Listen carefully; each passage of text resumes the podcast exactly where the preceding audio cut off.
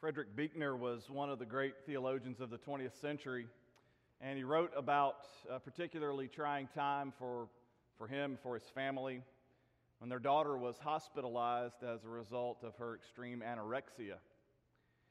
And Buechner writes about that period of time. He says, when, when my daughter was in a hospital bed, feeding tubes in her stomach, he said, We didn't go to church to have somebody tell us what happened to the Hittites.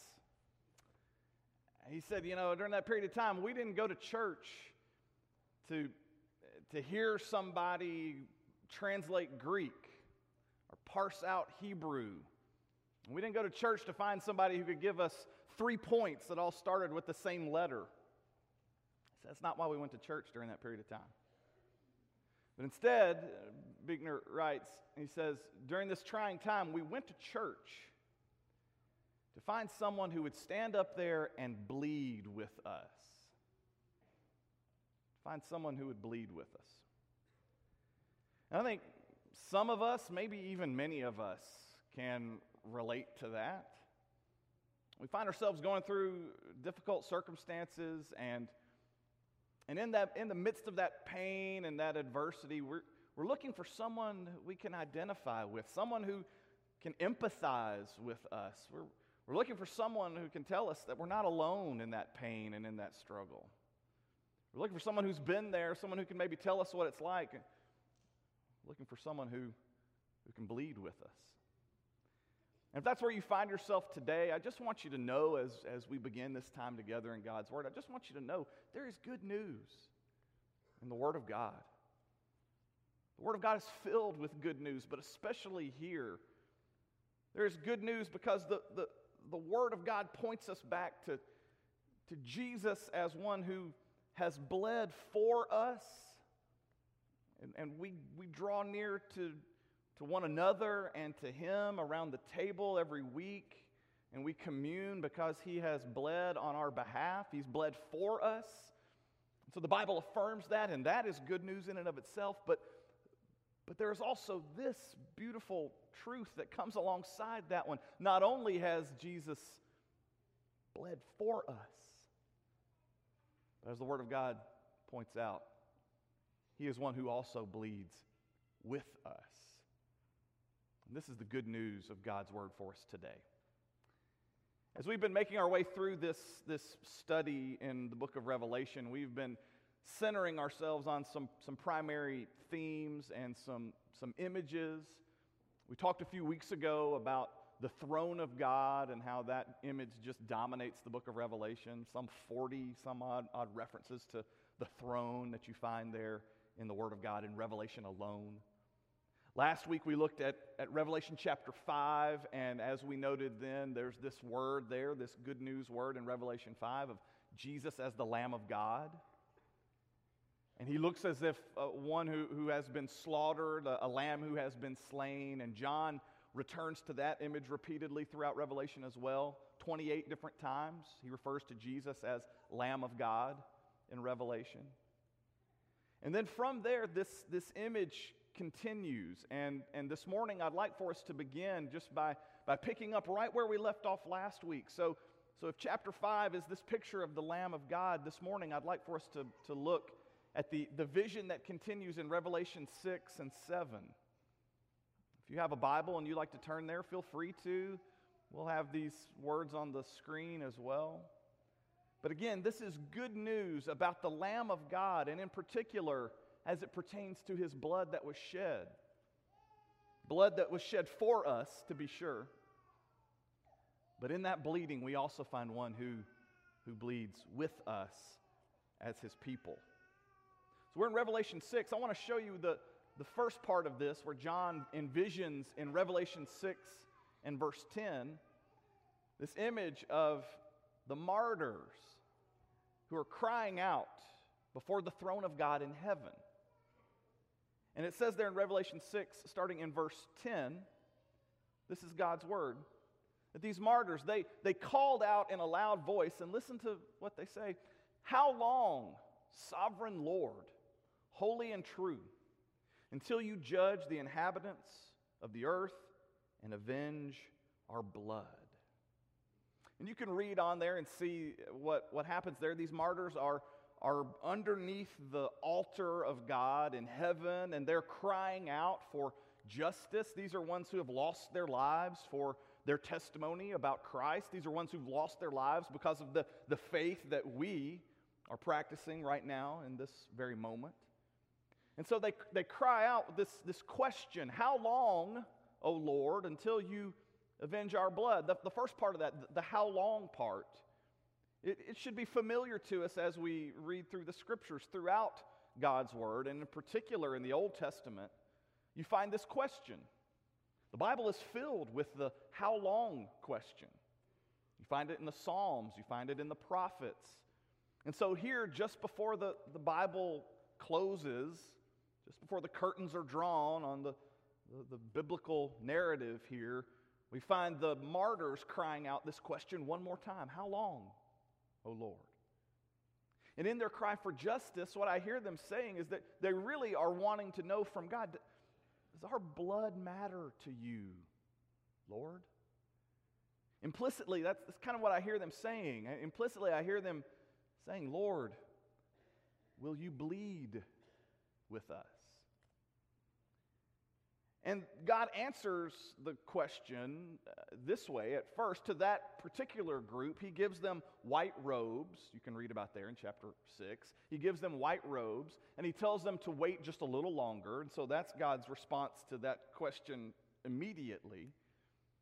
But in the book of Revelation, God also answers that question he also answers that question by pointing us to the blood of the Lamb of God. And you see that picture in the very next chapter, in Revelation chapter 7. So the vision continues, and John sees now a, a crowd. The text says that it is a, a number that is, is too great to even count. Here it is in Revelation 7, verse 9. Again, God's word says, After this, I looked, and before me was a great multitude that no one could count. From every nation, tribe, people, and language, standing before the throne and in front of the Lamb. And look at what it says. They were wearing white robes, and they were holding palm branches in their hands. And the vision goes on from there, but I just want to stop here for a moment and notice this crowd standing before the throne, standing before the Lamb, and, and you called it, they're wearing white robes. So the setting is the same. We're still in heaven, and the, the attire is still the same, the white robes. And I think we're meant to, to, to read these two stories together and and what I think is going on here is these martyrs who are, are crying out, How long, O Lord? And, and when God gives them white robes and He tells them, Wait just a little longer until the full number comes in. I believe John is then given a picture of that in the very next chapter. And now he looks, and there is this, this huge group, too numerous to count and they're wearing the same white robes and they're in the same location, but something has changed because as you'll read there, just you look at the very next verse in verse 10, they're singing songs not of lament anymore. They're not crying out, How long, O Lord, anymore. But it says there in verse 10, they sing, Salvation belongs to our God who sits on the throne and to the Lamb. So I would ask you, what is it that has changed? What has prompted this move from lament and how long, O Lord, to now songs of salvation being sung to the greatness of God and to the Lamb? I believe the answer to that is found just a few verses later in verse 14 in chapter 7. Look at it. Speaking of this same crowd, it says that they have washed their robes and made them white in the blood of the Lamb. The thing that has, has transpired here, the essential transformative element that's taken these songs of lament and the cry of how long and has now led this same body to singing these songs of salvation to God, the bridge there is the blood of the Lamb. and John sees this vision and the fullness of that number, it says that these are the ones who, who have washed themselves in the blood. They've been made clean by the blood of the Lamb. And this is where we get to one of those paradoxical sorts of statements. It's a counterintuitive sort of statement. And, and the Bible is filled with these as well. You know, the first shall be last.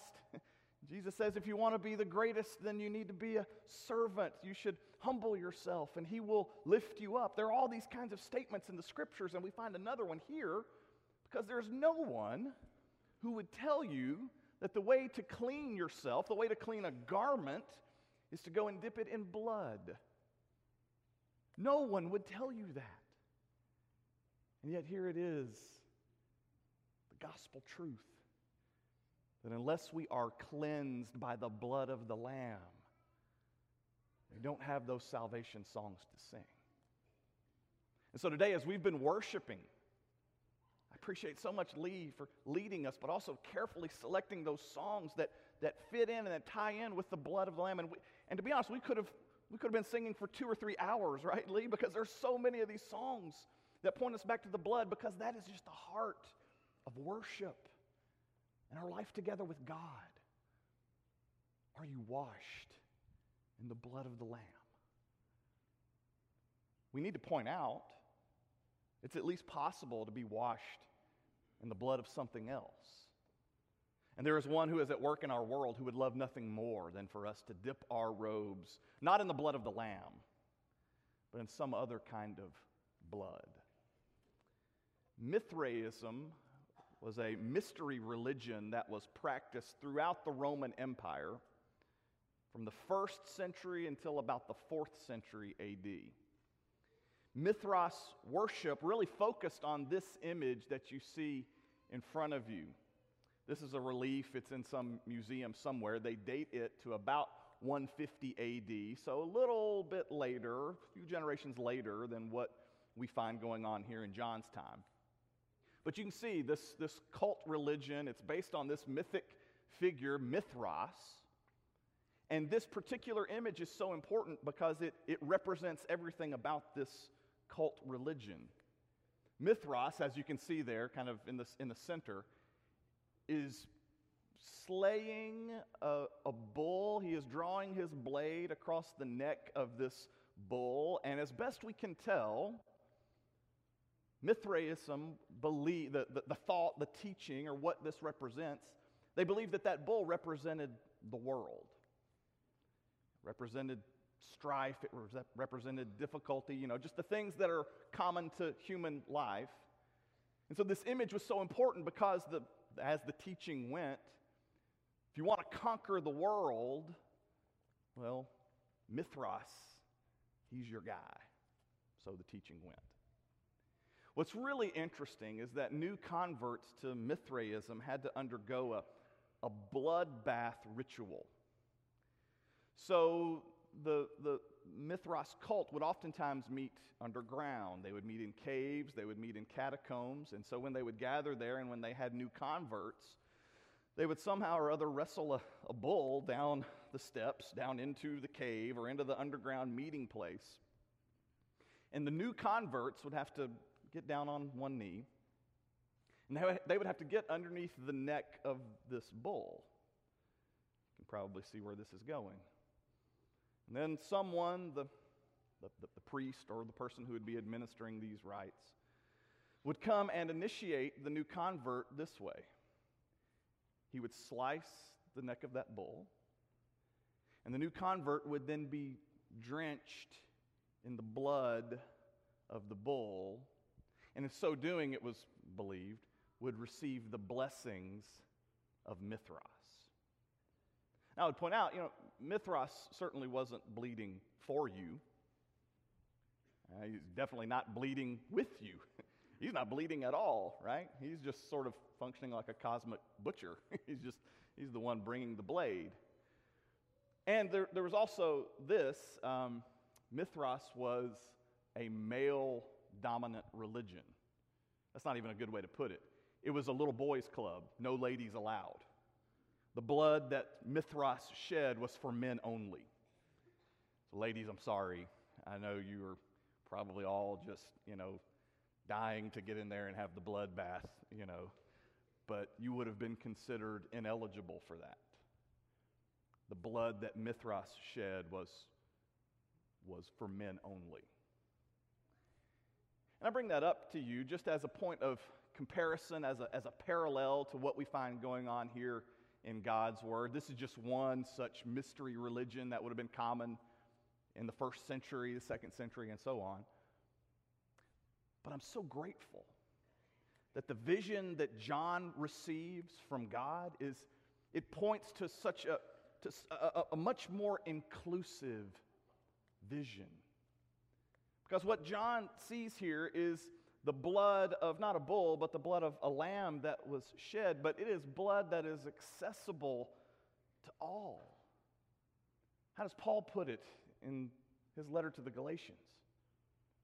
No more Jew or Greek, male or female, slave or free, but we have now all been made one because of the salvation we find, the redemption we find, to import John's language, because of the blood of the Lamb.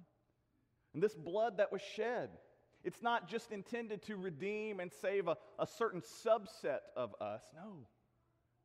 The blood of the Lamb, we all gather, not just those of us who are here, but as the vision that John sees, it is a crowd that is too numerous to even count. People of every tribe and tongue and nation gathered there again because we have been washed in the blood of the Lamb. And there is power, there is victory. According to the Word of God, there is victory and power that is found in that blood. And the book of Revelation repeatedly emphasizes this. Another place this is made clear is in Revelation chapter 12. If you'd like to turn over there, I'd like for us to look at chapter 12. We looked at a, a, at least a portion of chapter 12 a few weeks ago, but this is so relevant to our conversation today. I want you to see what John sees there in Revelation chapter 12. Starting in verse 7, the word says, Then war broke out in heaven. Michael and his angels fought against the dragon, and the dragon and his angels fought back. But he was not strong enough, and they lost their place in heaven. Just hang with me here with this imagery, okay? The great dragon was hurled down, the ancient serpent called the devil or Satan, who leads the whole world astray. So this, this passage is about the defeat of Satan at the cross. He was hurled to the earth and his angels with him. Then I heard a loud voice in heaven say, Now have come the salvation and the power and the kingdom of our God and the authority of his Messiah. And then I want you to, to really hear this part. For the accuser, Satan, for the accuser of our brothers and sisters, who accuses them before our God day and night, has been hurled down. So this is a victory, again, for male and female, for this great crowd, this multitude assembled of every tribe and tongue and nation and gender and however else we want to put it. And then there's this they triumphed over him by the blood of the Lamb and by the word of their testimony. And they did not love their lives so much as to shrink from death. What appeared to be just another execution on a Friday afternoon just outside Jerusalem was in actuality a great cosmic spiritual struggle. And at the cross, God was victorious over Satan, and God's people, again, both male and female, were triumphant. You look again there, they triumphed over him through the blood of the Lamb and by the word of his testimony. I want you to keep those two things in mind here as we work toward concluding this message triumph and victory was found through the blood of the Lamb and through the word of their testimony. The only spiritual victory we can know, as we've said, the victory that we know through the blood of Jesus.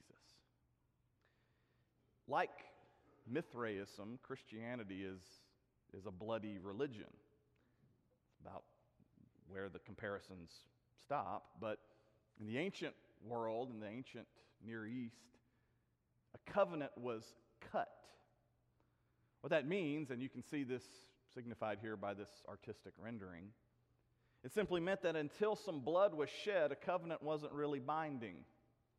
In the ancient world, if you and I were to enter into a covenant, what we would do is, is this we would take some animals, we would sacrifice them, they would be split in half, and they would be laid out one half on one side, one half on the other. And as you can see here in this artistic rendering, the, the blood would kind of congregate in the center aisle. And then, in order for the covenant to be binding, what would happen is we would walk between those those, those sacrifices. We would walk between those dead animals, okay? We would walk on the blood. And, and we would, in essence, be saying, if I don't keep the terms of this covenant relationship, may it, may it go the same way with me. So if I don't keep the terms of this covenant, may I too be split in half.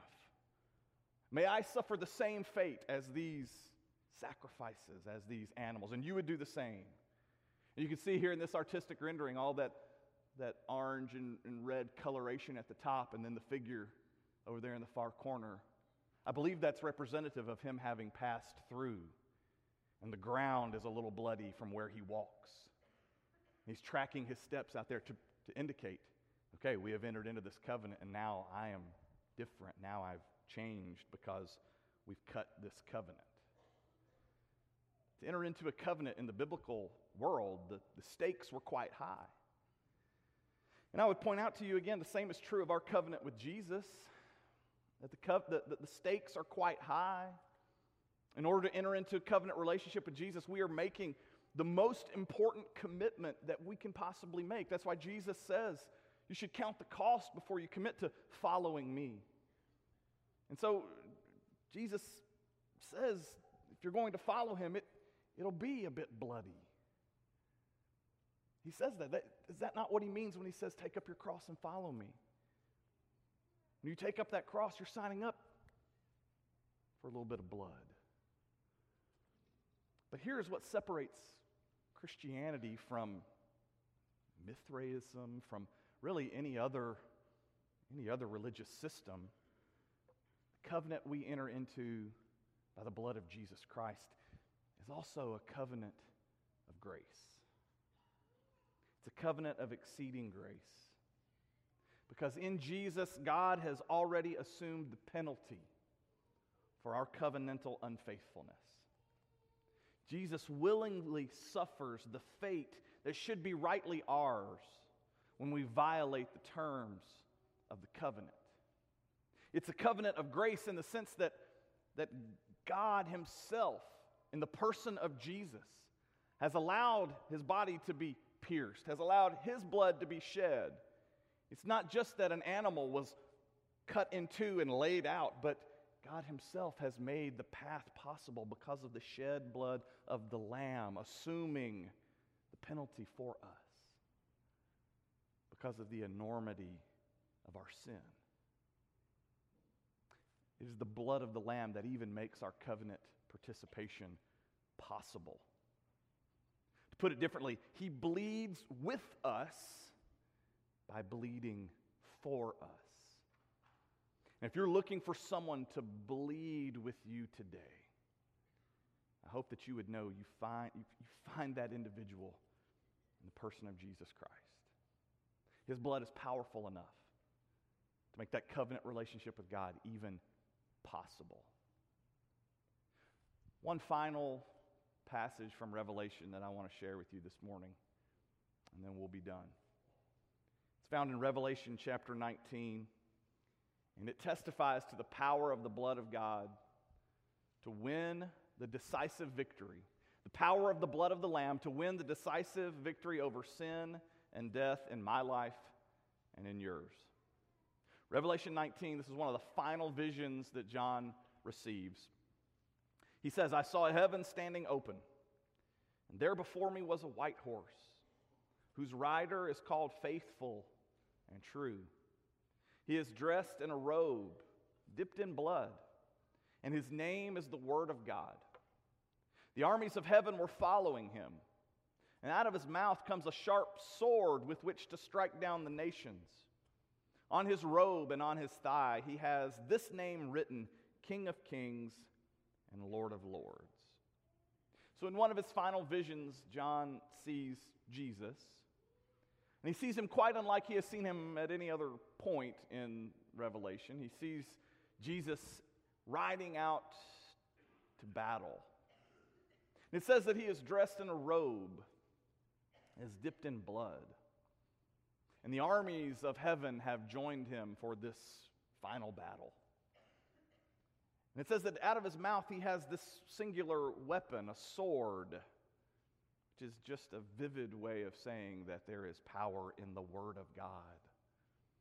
And so Jesus mounts up here and he, and he, rides into battle, and, and we're prepared as readers for this climactic final battle scene in the book of Revelation. So here it is.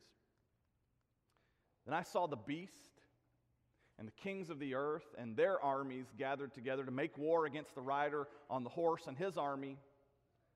But the beast was captured, and with him the false prophet who had performed the miraculous signs on his behalf and the two of them were thrown alive in the fiery lake of burning sulfur. And that's it. uh, the final battle, many commentators have, have noted that this, this final battle is actually kind of anticlimactic. There's not, uh, not much fighting going on here, at least as we read it, at least not as John has recorded it for us. Doesn't seem to be much of a battle. The beast and his armies, they all ride out there. They go to wage war against Jesus. It just says that they're captured. Maybe the reason it seems anticlimactic to some of us, maybe that's, that's because we've been so conditioned by, by the battle scenes that Hollywood presents to us. You, know, you pick a movie, a TV show, the, the way that Hollywood presents these battle scenes, there's always a, a little bit of drama. There's always that moment where, where the hero falls, he or she loses her weapon, and it, it appears as if the enemy has the upper hand for just a moment, right? Until, lo and behold, the hero casts a spell or gets their weapon back or some crazy thing happens and the good guys win in the end and evil is thwarted. And I guess if we're conditioned to that kind of storytelling, we might look at this and say it seems a little anticlimactic, but I think the reason it seems anticlimactic to us is because there's no drama. Because there's never a moment where the victory of God is in doubt. When I say there's no drama, I just mean there's never this moment where you think Satan's going to get the upper hand here because Jesus rides out for victory and he secures it. You know, the, the armies of heaven in this passage, they don't do anything. You know the reason why they don't do anything? It's because Jesus doesn't need them to do anything. Jesus doesn't win over Satan because he has the largest army.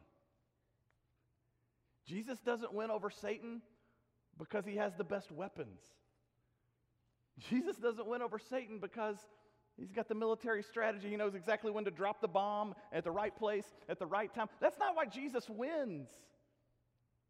Jesus wins because he has his blood and he has his word. And that's all he needs. It says that he rides out with a robe dipped in blood. Whose blood do you think that is? It says that he rides out with this sword that represents his word. And remember chapter 12? How did, how did the crowd, how do we find victory? Through his blood and through the power of, of testimony about Jesus. And the same thing happens in chapter 19. So I guess you can call it anticlimactic if you want. But for my money, it's just gospel. Jesus doesn't need anything to defeat Satan other than his blood. He doesn't need anything other than his blood to defeat Satan in Revelation 19. And let's bring it off the page. He doesn't need anything to beat Satan in your life and in mine except for the power of his blood and the power of his word. That is all Jesus Christ has ever needed to bring spiritual victory in my life and in yours. So we've been singing about the blood of God all day long. I have to close just by asking you what is your relationship to that blood?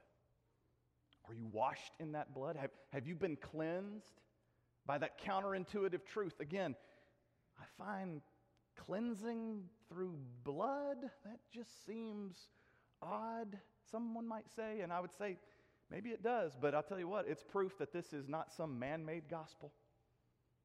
Only God would do that. Say, if you want to be cleansed, be washed in blood. So, are you washed in that blood? Maybe you were washed in that blood years and years ago, but there's something that's come between you and God, and, and you need to make that right. You need to turn that over and allow yourself, to allow your soul, your spirit to be cleansed by His blood. And in a moment, as we, as we sing, maybe you just need to quietly take that before the Lord. I hope that you would do that. Maybe today, the power of God's Word has convicted you that word's been laying on your heart, and maybe, maybe something is breaking and that word is dropping in. And you realize for the first time ever, I need to be washed in that blood. I need to go down into that watery grave of baptism and have my sins washed away. To be raised up, something new and redeemed and triumphant because of the power of the blood. Let me just remind you the only spiritual victory we can ever know is through our association with His blood. So if you need to respond in faith today and let us share in, in, that great joy with you and with the angels in heaven, I would encourage you to do that as well. I'd like for us to pray before we stand and sing. And this song we're about to sing is, is one of our favorites. It's just as I am. But it's all about how the Lord receives us through the power of his blood just where we are. Let's pray before we sing. Father in heaven, Lord God, Thank you for the blessing of your word. I pray that your word is at work in our hearts in ways that we can't even see right now, God. Lord, I'm praying for that person who's been distant from you for a long time. Person who came to you in faith years ago, but for whatever reason has, has drifted, Father. God, I pray that you are at work right now through the power of your word to call that person home. God, I'm praying for someone here today, God, who for the first time ever, is ready to give their life over to you. Who's ready to receive the good news of the gospel, the cleansing power of your blood. And God, I know that right now, even Satan may be whispering words of doubt, words to discourage, words like, Who are you to be identified with the blood of Jesus? God, I pray that you would drive that evil one far from here. God, I pray that we would receive what you have in store for us through the blood of Jesus. And God, as we sing these words, may we give them to you as an offering, as a new song from the redeemed people. God, put this song in our heart, this salvation song. Thank you for what you've done for us. We pray this in the precious name of Jesus Christ, the Lamb of God. Amen.